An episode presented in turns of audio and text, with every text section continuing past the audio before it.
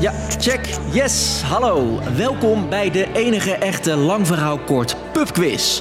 We beginnen meteen met vraag 1. Wat hebben Mark Zuckerberg, Greta Thunberg en president Zelensky gemeen met Taylor Swift? Ja, tijd is voorbij. Het antwoord? Ze zijn allemaal verkozen door het Amerikaanse Time Magazine tot Person of the Year. En Taylor Swift is de allereerste artiest met die titel. Their 2023 Person of the Year is Taylor Swift. It's me. Hi, Jasper. En ik geef je drie redenen waarom 2023 het jaar van Taylor Swift is. Lang verhaal kort. Een podcast van NOS op 3 en 3FM. It's me.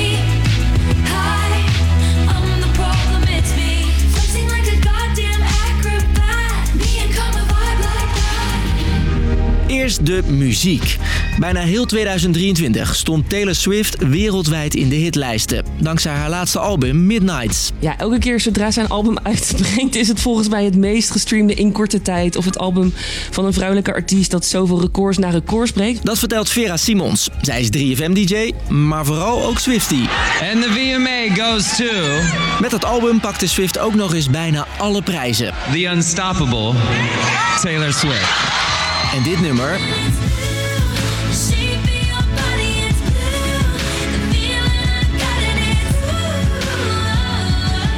staat inmiddels op bijna anderhalf miljard streams op Spotify. Maar het is niet nieuw. Die plaat is al veel langer geleden uitgebracht, maar die heeft nu een hele opleving gekregen door TikTok. En zo zijn er meer oude liedjes die nu alle streamingrecords verbreken.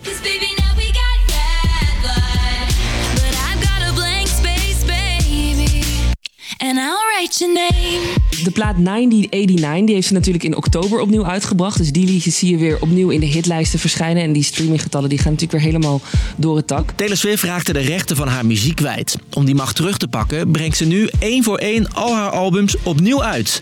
Als Taylor's version. I was the one who made this music first. I can just make it again. So that's what we're doing. Reden 2. Haar concerten. people come up to me and they'd be like, "You're gonna just like do a show with like all the albums in it?" And I was like, "Yeah, it's gonna be called the Eras Tour. See you there." In 2023 startte haar wereldtour, die Eras Tour. Overal in Amerika, overal in Europa. Ze staat avonden op rij dit maandenlang te doen. En zo'n show moet je ook niet vergeten, duurt drie uur lang. Dus het is echt topsport. In de show komt ongeveer alle muziek uit haar carrière voorbij. We're about to go on a little adventure together, and that adventure is going to span 17 years of music. Het concert is zo populair dat steden waar Taylor langskomt veel geld verdienen aan de fans. En zelfs het hele ticketsysteem crashte. Kaartjes worden sindsdien op een andere manier verkocht, vertelt 3FM-DJ Vera. Om naar een concert van Taylor Swift te kunnen, moest je je opgeven voor een loting. Om überhaupt ingeloten te worden om misschien kaarten te kopen. Om te voorkomen dat de kaartjes niet voor een veel hogere prijs worden doorverkocht. En echte fans, de Swifties dus, achter het net vissen. De kaarten zijn ook niet overdraagbaar. Zij heeft met haar team in ieder geval ja, geprobeerd om er alles aan te doen. Te zorgen dat de echte fans binnenkomen. En de tour ging gepaard met een bioscoopfilm, waar fans die geen kaartje konden kopen, toch de show kunnen zien. Ik had 80.000 wachten voor me. Ik heb er alles aan gedaan om mensen, eh, ja, om tickets te krijgen. Ze dachten, dit is de perfecte oplossing. Ik vind het alsnog echt heel leuk, want we gaan gewoon Taylor Swift zien op het scherm dan.